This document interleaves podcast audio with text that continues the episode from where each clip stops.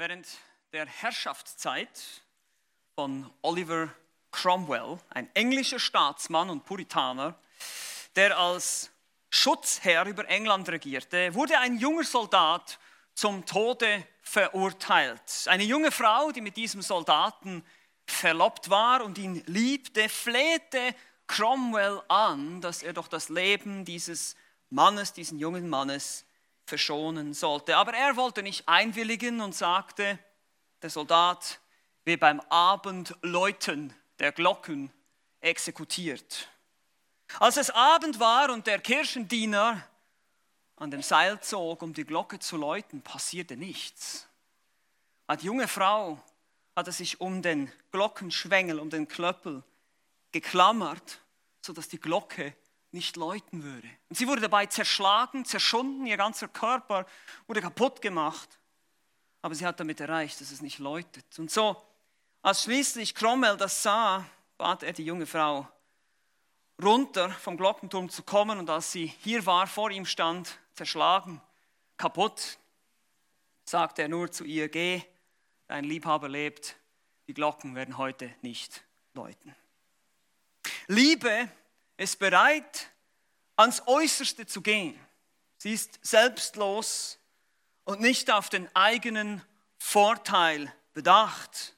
Das eigene Wohlergehen ist der Liebe, der wahren Liebe, letztlich zweitrangig. Es geht um das Wohl des Nächsten.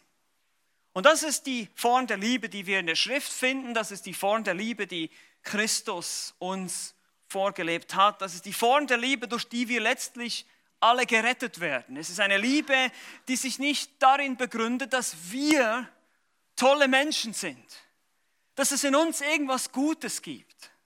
Nein, wenn es darum geht, dann sind wir absolut nicht liebenswert. Keiner von uns. Niemand, denn die Bibel sagt ganz deutlich, da ist keiner gerecht.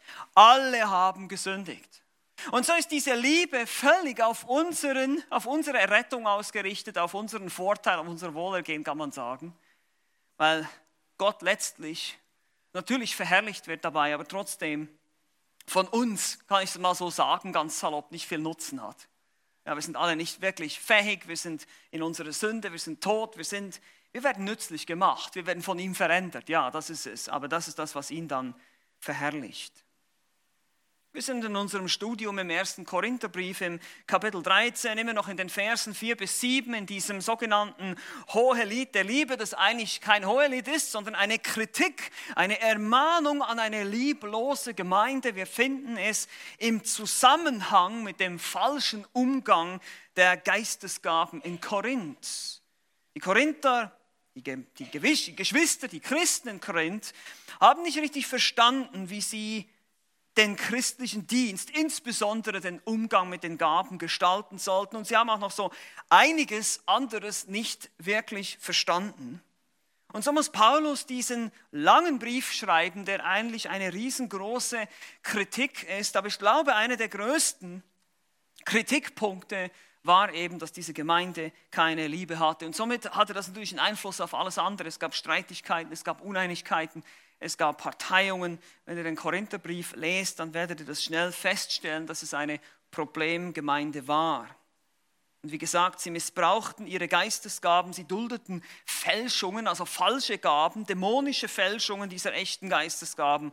Und mit den echten Gaben gingen sie auch nicht in der Art und Weise um, wie Gott das wollte, sondern sie missbrauchten sie zur Selbstdarstellung zur Selbstauferbauung. Und Gott hat die Gaben gegeben, nicht um für mein eigenes Wohl und für meine eigene Selbstdarstellung willen, sondern um dem Nächsten zu dienen. Und daher musste Paulus zur Buße aufrufen, zum Umkehr auf den, von dem lieblosen Weg auf den vortrefflicheren Weg. Das sagt er in Kapitel 12, Vers 31, wo er sie ermutigt, ja, eifert nach den größeren Graben, aber ich will euch einen weit vortrefflicheren Weg zeigen, einen besseren Weg, wie ihr das tun könnt. Weil wenn ihr diese Gaben einsetzt, ohne Liebe zu haben, ohne diese Einstellung des Wohl des Nächsten im Blickfeld zu haben, wird es alles nichts bringen. Und so beschreibt er in den Versen 1 bis 3 im Kapitel 13, dass eben alle Gaben und alle Erkenntnis und aller Glauben nichts bringt ohne Liebe und schlussendlich als Höhepunkt endet er da, wo er die Vollkommenheiten der Liebe beschreibt, in den Versen 4 bis 7. Und da sind wir zurzeit. Wir machen uns Gedanken, wie wir als Christen liebevoll leben können. Und wir haben festgestellt, das ist gar nicht so einfach. Also ich weiß nicht, wie es euch geht. Mir geht es auf jeden Fall so. Das ist wirklich nicht einfach. Wir stellen fest, wie lieblos wir immer noch sind. Und ich stelle fest, wie lieblos ich oft bin. Vielleicht bin ich leicht reizbar, vielleicht bin ich ungeduldig, vielleicht was immer es ist, es hat immer damit zu tun, dass es uns an Liebe fehlt. Und hier schreibt uns Paulus diese Merkmale. Elf Merkmale haben wir uns schon angeschaut. Liebe ist langmütig, sie ist freundlich, sie neidet nicht, sie prahlt nicht, sie ist nicht arrogant, sie ist anständig, sie ist nicht egoistisch, sie rastet nicht aus, Sie ist nicht nachtragend, sie kennt keine Schadenfreude und freut sich mit der Wahrheit. Und nun kommen wir heute in Vers 7 an. Und wir wollen uns diesen Text anschauen. Hier heißt es am Ende, und ich lese noch uns nochmal den ganzen Text vor, in 1. Korinther 13, die Verse 4 bis 7, mit Vers 7. Die Liebe ist langmütig, ist gütig, die Liebe neidet nicht, die Liebe tut nicht groß, sie bläht sich nicht auf, sie gebärdet sich nicht unanständig. Sie sucht nicht das Ihre, sie lässt sich nicht erbittern, sie rechnet das Böse nicht zu. Sie freut sich nicht über die Ungerechtigkeit, sondern freut sich mit der Wahrheit. Sie erträgt alles, sie glaubt alles, sie hofft alles, sie erduldet alles. In Vers 7 werden nun vier herausfordernde, kurze und prägnante, positive Aussagen gemacht über die Liebe. Wir haben sehr viel Negatives gehört. Sie sucht nicht das Ihre, Sie rechnet das Böse nicht zu, das sind negative Aussagen. Jetzt kommen positive. Sie erträgt alles. Sie glaubt alles, sie hofft alles, sie erduldet alles.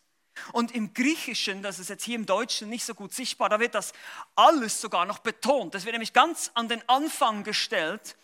Alles erträgt sie, alles glaubt sie, alles hofft sie, alles erduldet sie. So wird das betont im griechischen Urtext.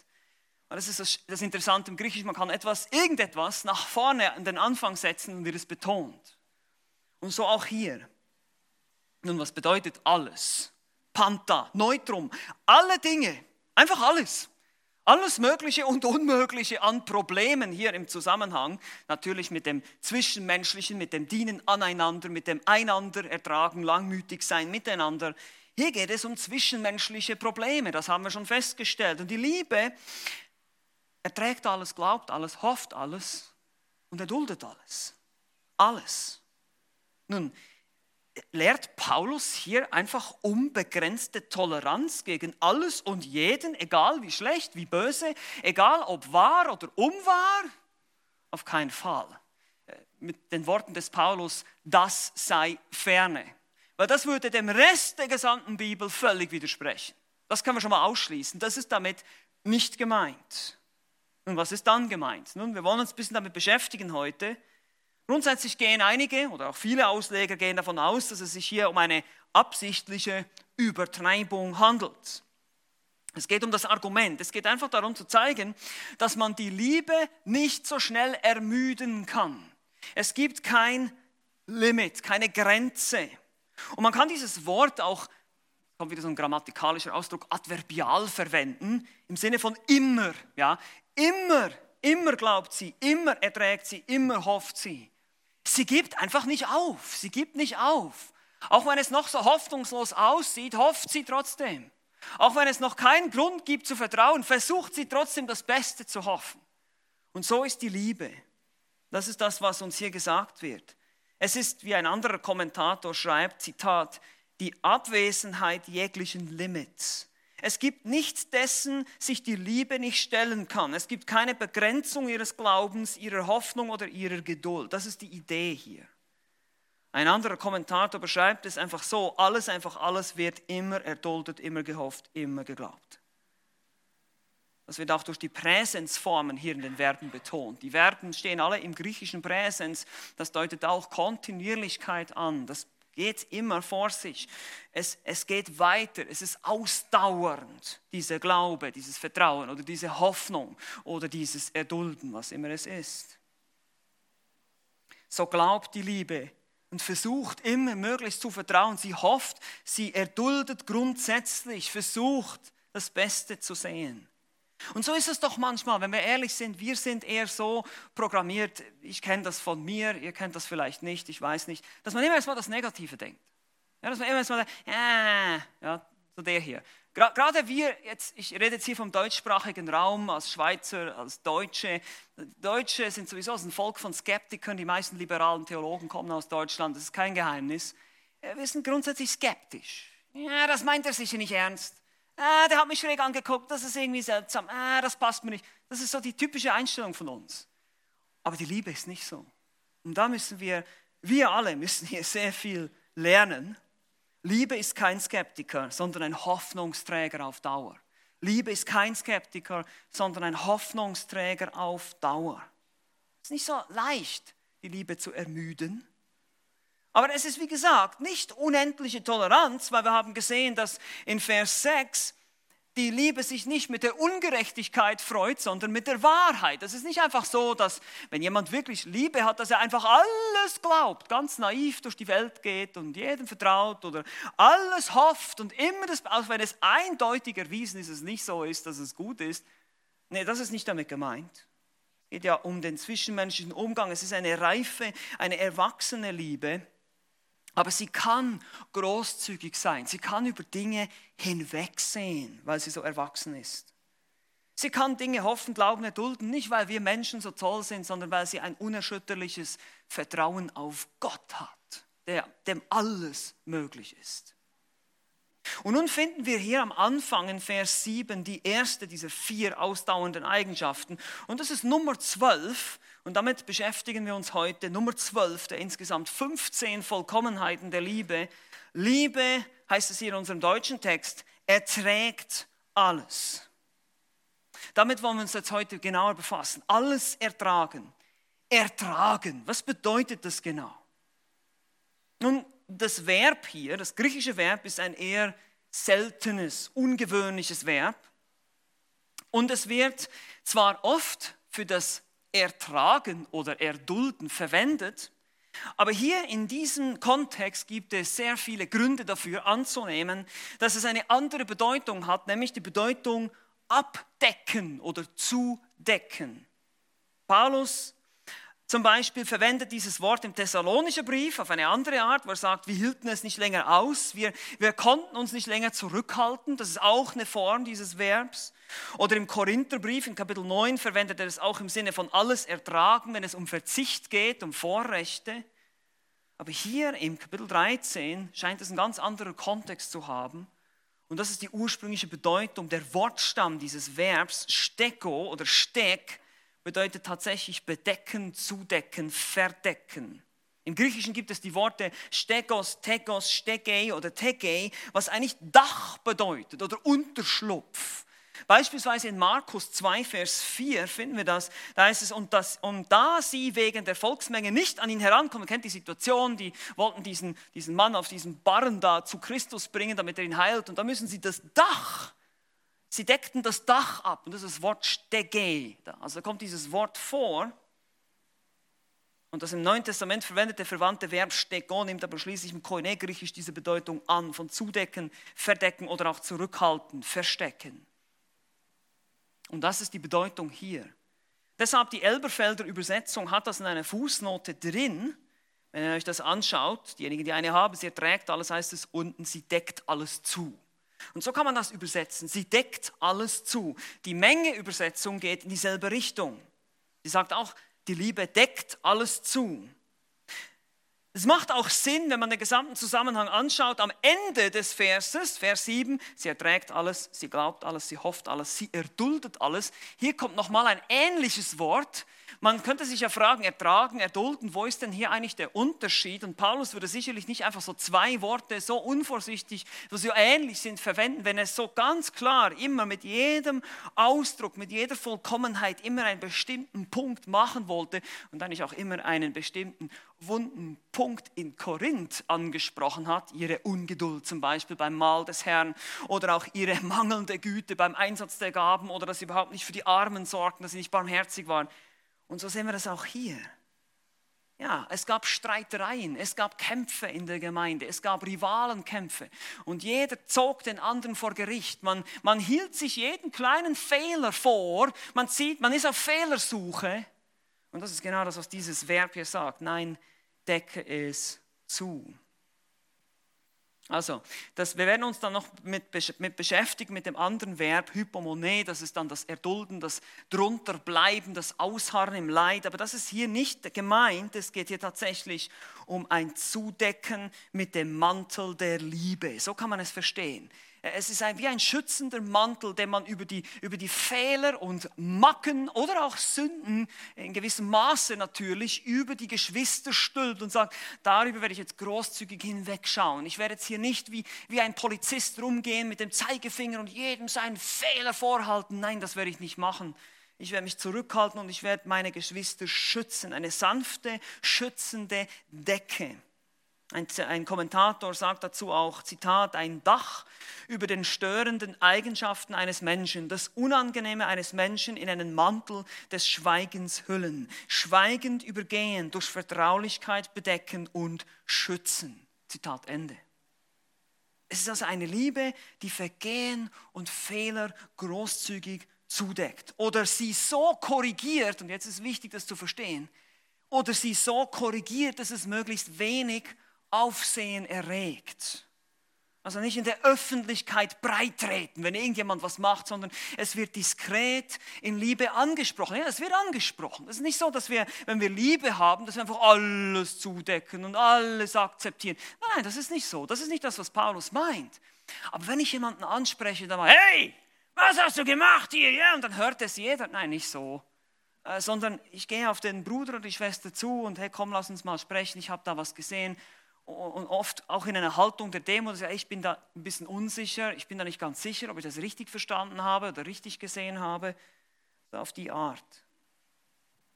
Einige Kommentatoren sagen auch, es besteht die Möglichkeit, das mit wird nicht müde zu unterstützen wiederzugeben. Also das Dach ist ja auch eine Art Schutz, aber auch Unterstützung eines Menschen, ein Schutz, eine Schutzvorrichtung. Aber es geht in eine ähnliche Richtung. Das Wohl des Nächsten ist im Blickfeld wie sich diese junge Frau um diesen Klöppel geschlungen hat, aus Liebe zu ihrem Liebhaber, um ihn zu schützen letztlich. Genauso schützen wir uns gegenseitig durch die Liebe, durch diesen Mantel der Liebe, diese Art des Zudeckens. Es ist also, wie gesagt, nicht ein passives Ignorieren von Problemen oder von Sünden oder von Schwierigkeiten, aber ein sanftmütiger Support, eine liebevolle, verdeckte Hilfe, eine diskrete Hilfe für den Nächsten. Es geht also nicht darum, dass wir damit Schlagzeilen machen. Und so ähnlich finden wir das auch an anderen Stellen, zum Beispiel im 1. Petrusbrief, Kapitel 4, Vers 8 heißt es, vor allem aber habt untereinander eine inbrünstige Liebe, denn die Liebe bedeckt eine Menge von Sünden. Petrus spricht auch hier die Liebe an, die dazu führt, dass eine Menge von Sünde bedeckt wird. Wir werden noch darauf eingehen, wie das genau aussieht dann, ganz praktisch. Das Bedecken findet nicht immer statt in einem Sinne von nur großzügig hinwegzuschauen. Das Bedecken findet auch dann statt, wenn jemand konfrontiert wird und von der, Buße Sünde, äh, von der Sünde Buße tut und umkehrt, ja, von der Sünde Buße tut, und dann wird die Sünde ebenfalls zugedeckt. Jakobus benutzt nämlich dieses Konzept gerade da, wo es um die Konfrontation mit Sünde geht. In Jakobus 5,20 heißt es, so wisse er, dass der, der einen Sünder von der Verirrung eines Weges zurückführt, eine seine Seele vom Tod erretten und eine Menge von Sünden zudecken wird. Wer also einen Sünder zur Umkehr bewegt, der deckt ebenfalls mit Liebe zu. Petrus, auch Jakobus verwenden das übliche Kalupto, also zudecken, hier an diesen Stellen, das auch die Worte aus Sprüche 10, 12, aus der griechischen Übersetzung des Alten Testaments wiedergibt. Sprüche 10, 12, Hass erregt Zwietracht, aber Liebe deckt, hier im griechischen Kalupto, alle Übertretungen zu. Das ist natürlich die Septuaginta, die griechische Übersetzung des Alten Testaments. Das ist dasselbe Konzept hier, einfach ein anderes Wort dafür verwendet. Es ist also, wie gesagt, kein Aufruf, oder auch kein Aufruf zur unbegrenzten Diskretion, zur absoluten Verschwiegenheit. Nicht mal in der Seelsorge können wir das machen. Wir können euch nicht zusagen, dass wir das absolut verschweigen. Das gibt es nicht, biblisch gesehen. Weil das Problem ist, wenn du unter Gemeindezucht stehst, müssen wir es der Gemeinde sagen. Somit müssen wir unser Schweigegelübde in dem Sinne brechen. Oder wenn du zu mir kommst und in die Seelsorge und sagst, ich habe eine Bank überfallen, dann muss ich dich anzeigen. Kann ich es auch nicht geheim halten. Also wir können nicht absolute, unbegrenzte Diskretion oder Verschwiegenheit versprechen. Es ist auch nicht eine Schwamm-drüber-Theologie, ja, einfach so im Sinne von, ja, ja, wir übergehen mal alles ein bisschen, sondern wir sehen in der Bibel immer wieder, dass auch Dinge in der Öffentlichkeit angesprochen werden.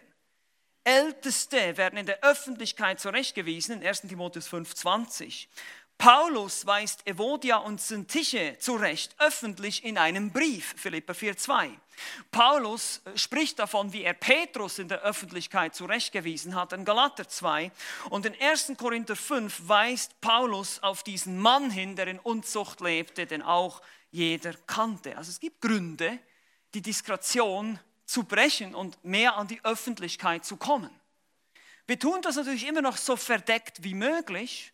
Nicht, dass wir das dann gleich in allen Zeitungen der Stadt bringen, sondern nur bei uns in der Gemeinde bekannt machen. Das ist immer noch diskret. Ja. Wir haben heute Morgen gerade von jemandem gesprochen, der unter Gemeindezucht steht und wir gehen das jetzt nicht allen äh, äh Zeitungen erzählen, die würden uns sowieso nicht. Aber ich sage nur, das ist einfach, wir versuchen es möglichst im kleinen Kreis zu halten weil, und da werden wir auch noch darauf eingehen, weil das Ziel ist, dieser Person zu helfen. Eben die Liebe möchte helfen, möchte wiederherstellen und nicht zerstören. Aber wichtig ist zu verstehen, die Schrift weist uns an mehreren Stellen darauf hin, dass Sünde angesprochen werden muss. Ja, eben, ich habe schon die Abschnitte genannt in Lukas 17 oder eben Matthäus 18, wo es um Gemeindezucht, korrektive Gemeindeseelsorge geht. Das ist nicht Hass, das ist nicht gemein, das ist nicht fies, das ist Liebe. Wenn wir jemanden ermahnen und jemanden zurückrufen auf den richtigen Weg, weil letztlich ist es so, wie Jakobus sagt, wer diese Seele zur Umkehr bewegt, der rettet ihm das Leben und er wird eine Menge von Sünden zudecken. Das ist eine gute Sache. In Sprüche 27, Vers 5 heißt es, besser Zurechtweisung, die aufdeckt, als Liebe, die verheimlicht. Und hier haben wir eine falsche Liebe. Treu gemeint sind die Schläge des Freundes, aber reichlich sind die Küsse des Hassers. Oder auch Titus 2 heißt es, dieses sollst du lehren und mit allem Nachdruck ermahnen und zurechtweisen. Niemand soll dich gering schätzen. Das schreibt Paulus dem Titus in Titus 2,15. Und so sehen wir immer wieder in der Schrift, Sünde muss angesprochen werden. Weiter weist uns die Schrift aber auch darauf hin, dass Menschen, die von der Wahrheit abirren, wieder zurechtgebracht werden müssen. Wie schon gesagt, korrektive Gemeindeseelsorge. Es wäre Hass, das nicht zu tun. 3. Mose 19, 17, du sollst deinen Bruder nicht hassen in deinem Herzen, sondern du sollst deinen Nächsten ernstlich lieben. Nein, da steht zurechtweisen. Ist das nicht spannend? Du sollst ihn nicht hassen, sondern du sollst ihn zurechtweisen. Das ist eine Form der Liebe. Und dass du nicht seinetwegen Schuld tragen musst.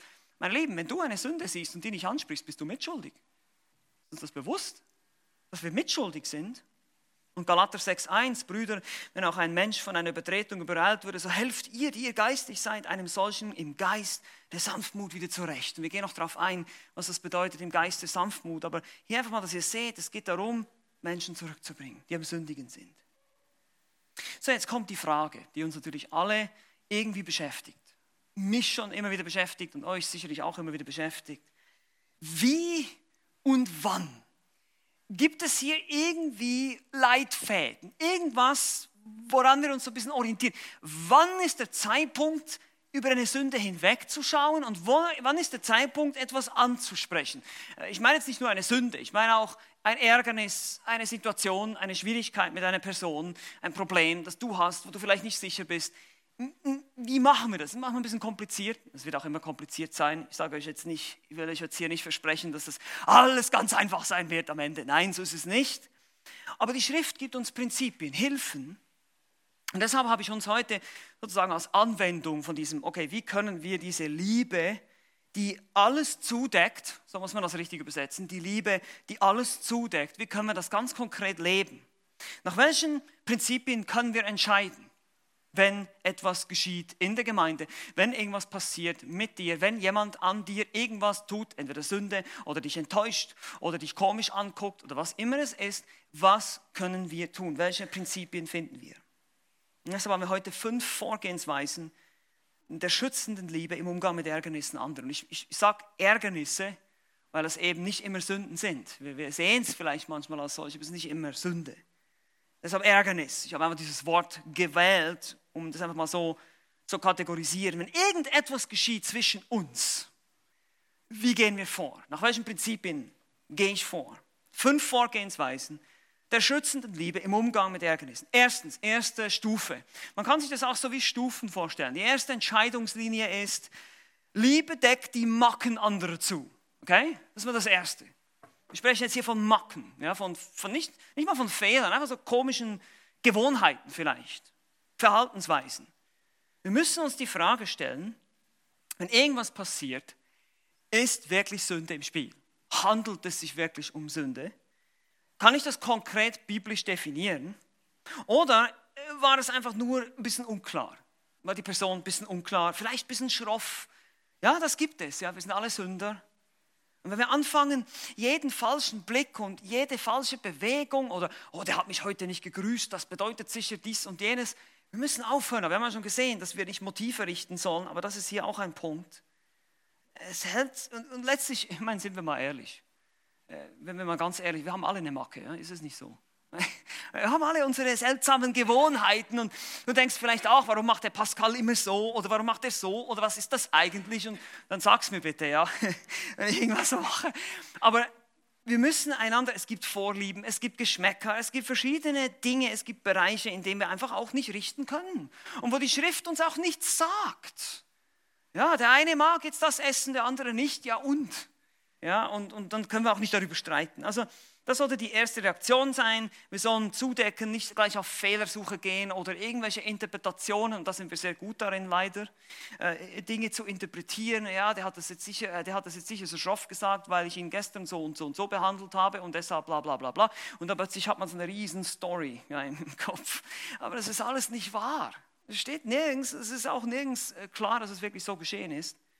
Und deshalb decken wir die Macken zu. Wichtig ist, wie gesagt, dass es nicht eine eindeutige Sünde ist. Und deshalb heißt es in Sprüche 19.11, Einsicht macht einen Menschen langsam zum Zorn.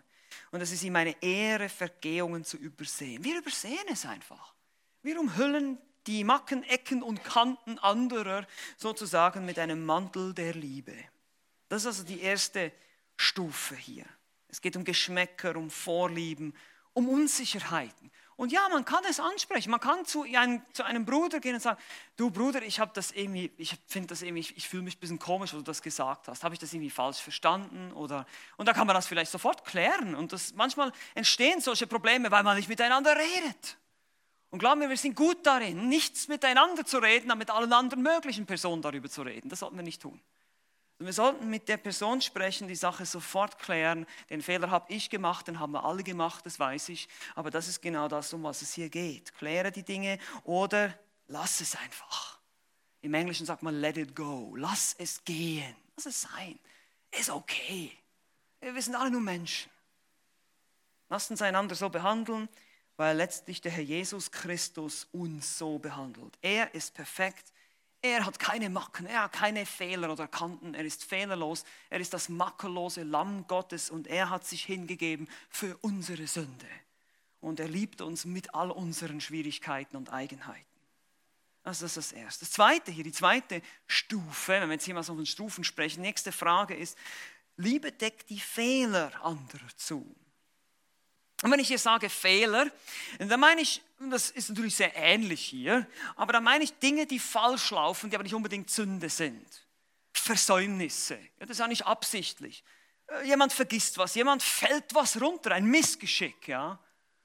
Stellt euch das Szenario vor, zu Hause, die Familie, wir sitzen alle am Tisch wir haben einen leckeren Hamburger und, und, und, Pommes und dann das eine Kind will die Ketchupflasche nehmen, Ketchupflasche fällt runter, versplittert in tausend Stücke, Ketchup überall.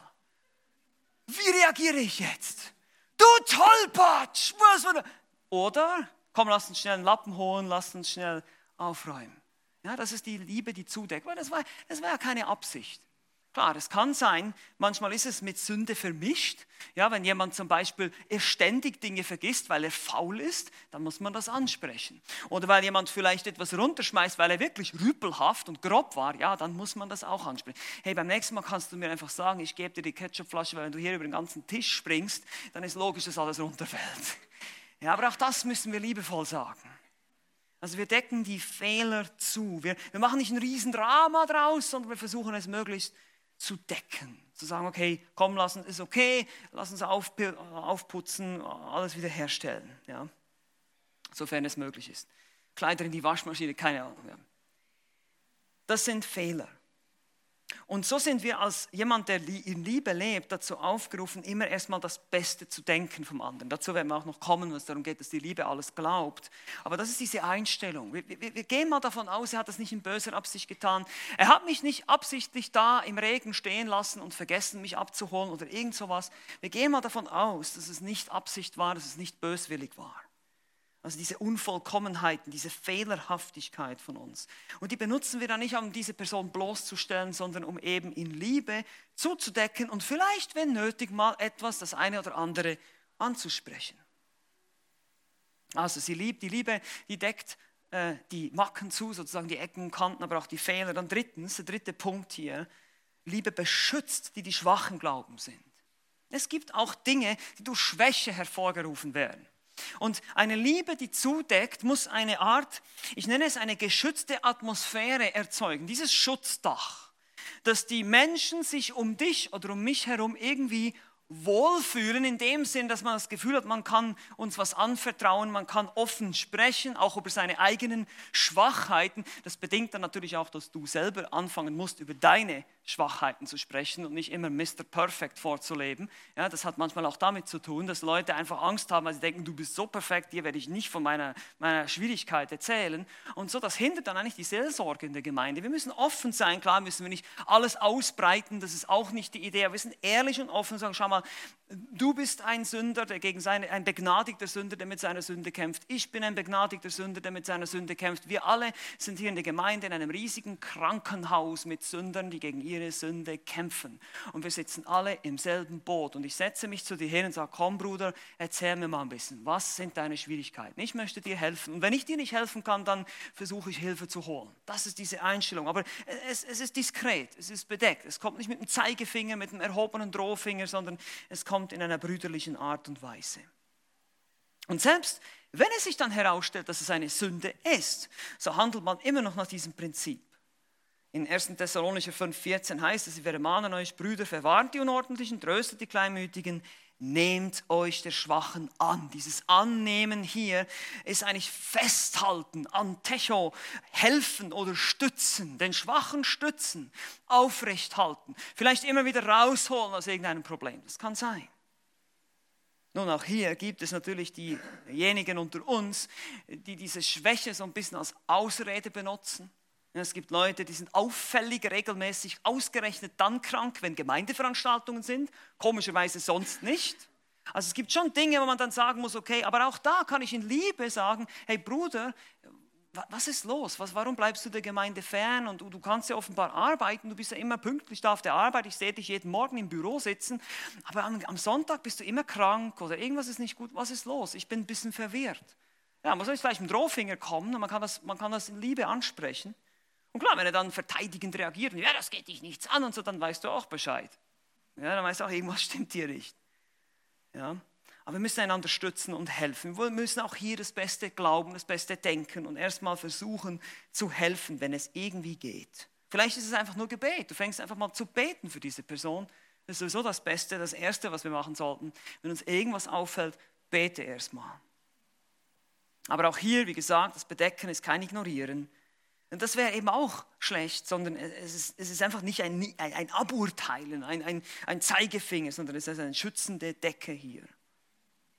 Und es gibt Schwachheit unter uns. Es gibt, manche von uns sind, sind eher diszipliniertere Leute als andere. Manche sind, äh, sind eher chaotischer als andere.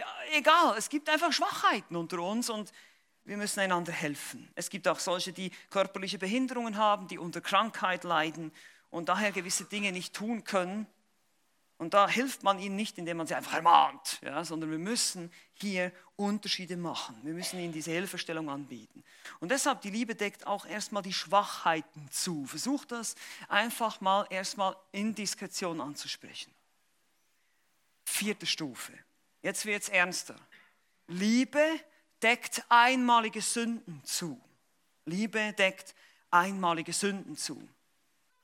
Und wie gesagt, auch wenn wir Christen sind, wenn wir den Herrn, an den Herrn Jesus glauben, dass er am Kreuz für meine Sünde gestorben ist, dass ich durch den Glauben, durch das Vertrauen an ihn ewiges Leben habe und er mich jetzt verändert durch seinen Geist, den er mir gegeben hat, dass ich jetzt lerne, durch seinen Geist und sein Wort zu wachsen, was wir letzten Sonntag angeschaut haben, sind wir doch, wie gesagt, alle solche, die immer noch mit dem Fleisch kämpfen, so wie es Paulus nennt. Paulus sagt Fleisch, man könnte es als ein Überrest des Bösen in uns nennen, der immer noch zum Bösen neigt, der uns ständig irgendwie in die falsche Richtung ziehen will. Und so sagt Paulus in Galater 5, Vers 16 und 17, ich sage, wandelt im Geist, so werdet ihr die Lust des Fleisches nicht vollbringen, denn das Fleisch gelüstet gegen den Geist und der Geist gegen das Fleisch und diese widerstreben einander. Da ist irgendwas, irgendein Kampf, der hier in dir drin ist und in mir drin ist. Und das sind zwei verschiedene Prinzipien, die gegeneinander kämpfen. So beschreibt es Paulus in Römer Kapitel 7. Da ist dieses Prinzip der Sünde und da ist das Prinzip des Gesetzes, das ich eigentlich tun möchte, aber es zieht mich immer wieder zurück. Als Christen sind wir von der Sklaverei der Sünde befreit, aber nicht von der Gegenwart der Sünde. Die ist immer noch da leider. Also wir kämpfen alle damit und wir sind nicht perfekt. Und deshalb kommt es, ich nenne es mal so in der Gemeinde auch zu Ausrutschern. Okay? Es kommt zu Sünde. Vielleicht wirst du wirklich mal unfreundlich angeschnauzt von jemandem von uns. Es kann passieren. Wir sind nicht vollkommen. Oder du findest vielleicht wirklich mal keine Beachtung von jemandem oder irgend sowas. Und dann ist die Frage, wie handeln wir? Du wirst vielleicht von einem anderen Christen im Stich gelassen, eben vielleicht nicht nur ähm, aus purem Versäumnis. Es braucht viel Demut und eine gesunde Haltung der Vergebung. Wie Jesus sagte am Kreuz, als er am Kreuz war, Vater, vergib ihnen, denn sie wissen nicht, was sie tun. Denke daran, dass auch du nicht besser bist, dass auch ich nicht besser bin und dass wir deshalb mit dieser Einstellung miteinander umgehen und nicht in der Haltung eines Pharisäers uns befinden. Selbstverständlich gibt es hier auch Ausnahmen. Ja, es kann natürlich nicht einer kommen und sagen, ja weißt du, es geht ja um einmalige Sünden, einmalige Ausrutscher. Ja weißt du, ich, ich habe nur einmal Ehebruch begangen. Ja, und das musst du jetzt zudecken. Das, Moment, es gibt gewisse Sünden, die werden auch genannt in der Schrift, die müssen wir ansprechen, die müssen wir, da müssen wir was unternehmen. Hier ist es so, dass wir die Sünde ansprechen und wenn derjenige Buße tut, dann kann ihm vergeben werden und so kann die Sünde auch zugedeckt werden. Aber es wäre lieblos, gegenüber dem Betrogenen, sozusagen dem Opfer der Tat, dem Betrogenen, einfach nichts zu sagen und nichts zu unternehmen. Und deshalb gibt es da auch natürlich Dinge, die wir nicht einfach so zudecken können. Und wir müssen entscheiden. Oft ist es auch so, wir müssen entscheiden, ist es ein Muster von Sünde. Das ist vor allem entscheidend. Wenn es um Gewohnheiten geht, um eben jemand, der zum Beispiel am Morgen, nehmen wir jetzt mal an, du kommst nicht am Morgen, ich sage wieder am Morgen, am Nachmittag ist es ja jetzt.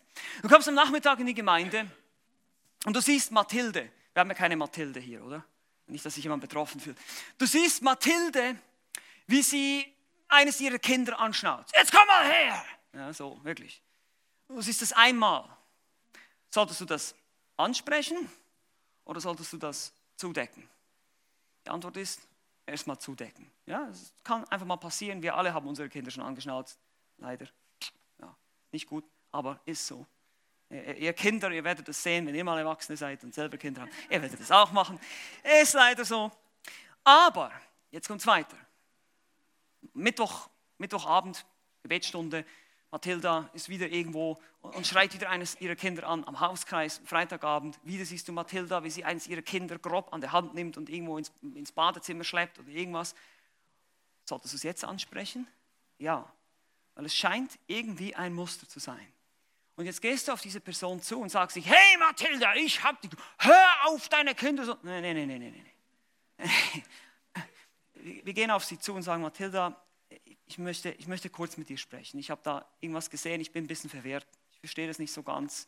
Ähm, und dann fragst du sie vielleicht erstmal, wie geht's dir? Wie geht es dir geistlich? Machst du gerade eine schwere Zeit? Weil manchmal sind solche Leute deshalb so, weil sie vielleicht gerade, ja, und dann erzählt sie dir vielleicht, ja, ihr, ihr Ex-Mann ist gestorben und das ist passiert und hier und da und dort. Und dann merkst du schon, okay, ist keine Ausrede, keine Ausrede für Sünde, aber es ist einfach viel liebevoller, wenn ich mich erstmal mit der Situation befasse, bevor ich einfach mit dem, ich sag mal, mit dem Bibelhammer komme und sage, du musst deine Kinder lieben. Ja, da bin ich ja genauso lieblos gewesen. Also hier ein Muster. Ist es ein Muster von Sünde? Oder wenn ich das angesprochen habe, ist die Person uneinsichtig, dann muss ich natürlich die Schritte der Gemeindezucht einleiten. Schritt 3 an die Öffentlichkeit kommt es dann auch. Ist die Person in einer Leitungsposition und die Sünde geschah öffentlich, dann kann es auch und soll es auch öffentlich angesprochen werden. Also es gibt hier immer wieder natürlich Dinge, die die Schrift uns zeigt, die Ausnahmen bilden. Aber wichtig ist hier, wenn es sich nicht um ein Muster handelt, dann deckt die Liebe immer noch zu. Fünftens, und jetzt kommen wir zum Muster. Und hier sagen wir, Liebe korrigiert diskret sündige Lebensmuster. Wie schon sagte, selbst wenn es jetzt wirklich so ist, dass es ein Muster ist, dass es eine offensichtliche Sünde ist, dann gibt es immer noch diesen Aufruf der Liebe, das in möglichst geschützter Art zu tun. Das Ziel der Seelsorge oder auch der korrektiven Seelsorge in der Gemeinde ist es immer, den Sünder zur Umkehr zu bewegen und wieder zu gewinnen, nicht von uns wegzustoßen. Galater 6, Vers 1, ein wichtiger Vers zu dem Thema. Galater 6, 1. Brüder, wenn auch ein Mensch von einer Übertretung übereilt würde, so helft ihr, die ihr geistlich seid, einem solchen im Geiste Sanftmut wieder zurecht. Und gebt dabei Acht auf dich selbst, dass du nicht auch versucht wirst. Seht ihr dieses Bewusstsein von Schwäche? Ich bin ein Sünder, ich bin ein schwaches Gefäß und ich sorge mich nur um dich und möchte, dass du wieder zurückkommst auf den richtigen Weg mit Christus. Wir sind beide hier auf diesem Weg und ich möchte diesen Weg weiterhin mit dir zusammen gehen. Interessant hier das Wort übereilt wird. Wenn einer von einer Sünde übereilt wird, das hört sich so an wie überfallen wird, er fällt so rein. Aber es gibt eine bessere Interpretation, dass es hier heißt, er wird in einer Sünde erwischt eigentlich. Er wird beobachtet in dieser Sünde. Man sieht es. Und das ist ganz wichtig. Es muss eine offensichtliche, fotografierbare Sünde sein. Nicht irgendwas, eine Vermutung, eine Annahme oder irgend sowas, sondern wirklich etwas, was ganz klar biblisch belegt werden kann. Wir sehen auch in der Schrift, dass es immer wieder zwei oder drei Zeugen braucht, um Dinge zu belegen. Wir nehmen dann Zeugen hinzu, auch in der Gemeindezucht. Wie gesagt, das ist nicht lieblos, wir machen das geschützt. Wir gehen von Schritt 1 unter vier Augen, da starten wir. Das ist sehr bedeckt, sehr diskret. Das ist nicht gleich an die Öffentlichkeit und gleich allen erzählen, nein, das ist hier unter vier Augen. Und dann, wenn er nicht einsichtig ist, okay, dann nehme ich zwei oder drei Zeugen. Ich werde, ich werde das dem Pastor sagen, ich werde mit dem Pastor zurückkommen, werden mit, mit dir darüber sprechen. Ja, also dann ist es nur, dann weiß es nur der Pastor und ich, dann nehme ich einen Zeugen hinzu. Und erst dann geht es an die Öffentlichkeit im dritten Schritt in der Gemeinde. Aber selbst da bleibt es hier bei uns in der Gemeinde und hoffentlich geht er nicht in andere Gemeinden und zählt denen da, hey, da gibt es diesen Typen bei uns, der wurde jetzt rausgeschmissen. Ja? Nein, das ist, das ist nicht das, was wir wollen. Das ist nicht die Idee dahinter. Es macht uns traurig, wenn solche Dinge geschehen. Es macht mich traurig zu sehen, wenn Menschen weggehen vom Glauben oder weggehen von der Gemeinde. Weil ich weiß genau, wo sie hingehen. Sie gehen in die ewige Hölle. Das ist doch nichts Schönes. Und es wäre doch lieblos, wenn wir einfach dastehen und sagen, ah, geh in Frieden, wärme und sättige dich. Nein, können wir nicht. Wenn wir wirklich lieben, können wir das nicht. Und deshalb müssen wir das immer wieder sehen. Es gibt grobe Sünden, ich habe vorhin das Beispiel vom Ehebruch genannt oder eben auch Sündenmuster, ja, die, die wirklich fotografiert werden, wo ich das mehrere Male gesehen habe und dann eben mit Mathilda spreche, ja, wie gesagt, mit der imaginären Person hier. Und das geschieht, indem wir diese Person, die geistlich sind, hier, wir die Geistlichen sollen sie zurechtbringen. Zurechtrücken heißt es hier in Galater 6. Das ist ein Wort, das die Tätigkeit eines Arztes beschreibt, der einen Arm einrenkt. Also wieder zurück zurückbringen, richtig einrenken oder es ist das Wort, das auch benutzt wird, um Fischernetze zu flicken, zu reparieren. Es geht darum, den, den Sünder wieder in die richtige Funktion zu bringen, in die Gemeinde, weil du, wenn du als, als Christ sündigst und in Sünde lebst, dann bist du eben ausgerenkt, wie ein ausgerenktes Gelenk. Das funktioniert nicht mehr richtig. Es muss wieder geheilt werden, wieder zurückgebracht werden. Es ist Wiederherstellung, auch hier. Und das tun wir im Geist der Sanftmut. Prautes, Sanftmut, Freundlichkeit, Demut, eben nicht so von oben herab wie so ein Pharisäer, sondern wirklich ganz, ganz auf derselben Ebene, hey, schau mal, ich bin mir meiner eigenen Schwachheit bewusst, ich bin mir meiner eigenen Sünde bewusst, aber ich möchte dir das einfach sagen, damit du nicht ohne Warnung einfach weitermachst, so wie du jetzt lebst. Das ist der Geist der Sanftmut. Und in Vers 3 heißt es dann auch noch in Galater 6 als Warnung, denn wenn jemand meint, etwas zu sein, da doch nichts ist, so betrügt er sich selbst. Also es geht dann gleich los. Diejenigen, die jetzt da hier zurechtweisen, die sollen ja nicht denken, sie seien irgendwas Besseres als der Zurechtgewiesene. Wir sind alle auf derselben Ebene, weil du weißt nie, wann du derjenige sein wirst, der zurechtgewiesen werden muss. Und du weißt nie, wann das geschieht. Und du wünschst dir dann in dem Moment auch, dass diese Person auf dich zukommt und nicht einfach wie die Polizei kommt und dich überfährt, sondern dass sie im Geist der Sanftmut mit dir spricht und sagt, hey, komm mal Bruder oder Schwester, schau mal, das habe ich gesehen und die Bibel sagt das. Und ich will dir auch helfen. Wir können, wir können reden, wir können, wir können einen Pastor anrufen, wir können Seelsorger holen, wir können alles Mögliche tun. Aber lass uns, lass uns, das, lass uns das zurechtbringen. Das wird, so wie du jetzt lebst in dieser Sünde, das wird nicht gut kommen. Das wird dich kaputt machen. Das ist nicht gut für dich. Lass uns, lass uns darüber sprechen. Einfach diese, diese helfende Art zu haben. Die Sünde wird in Liebe dadurch immer noch zugedeckt. Immer wieder, immer wieder. Und so wollen wir handeln wie die junge Frau, von der ich am Anfang berichtete, die eben den Klöppel der Glocke zudeckte, aus Liebe zu ihrem Geliebten. Wir müssen lernen, einander in Liebe zuzudecken, die Fehler und Macken mit einer Schutzdecke zu umhüllen.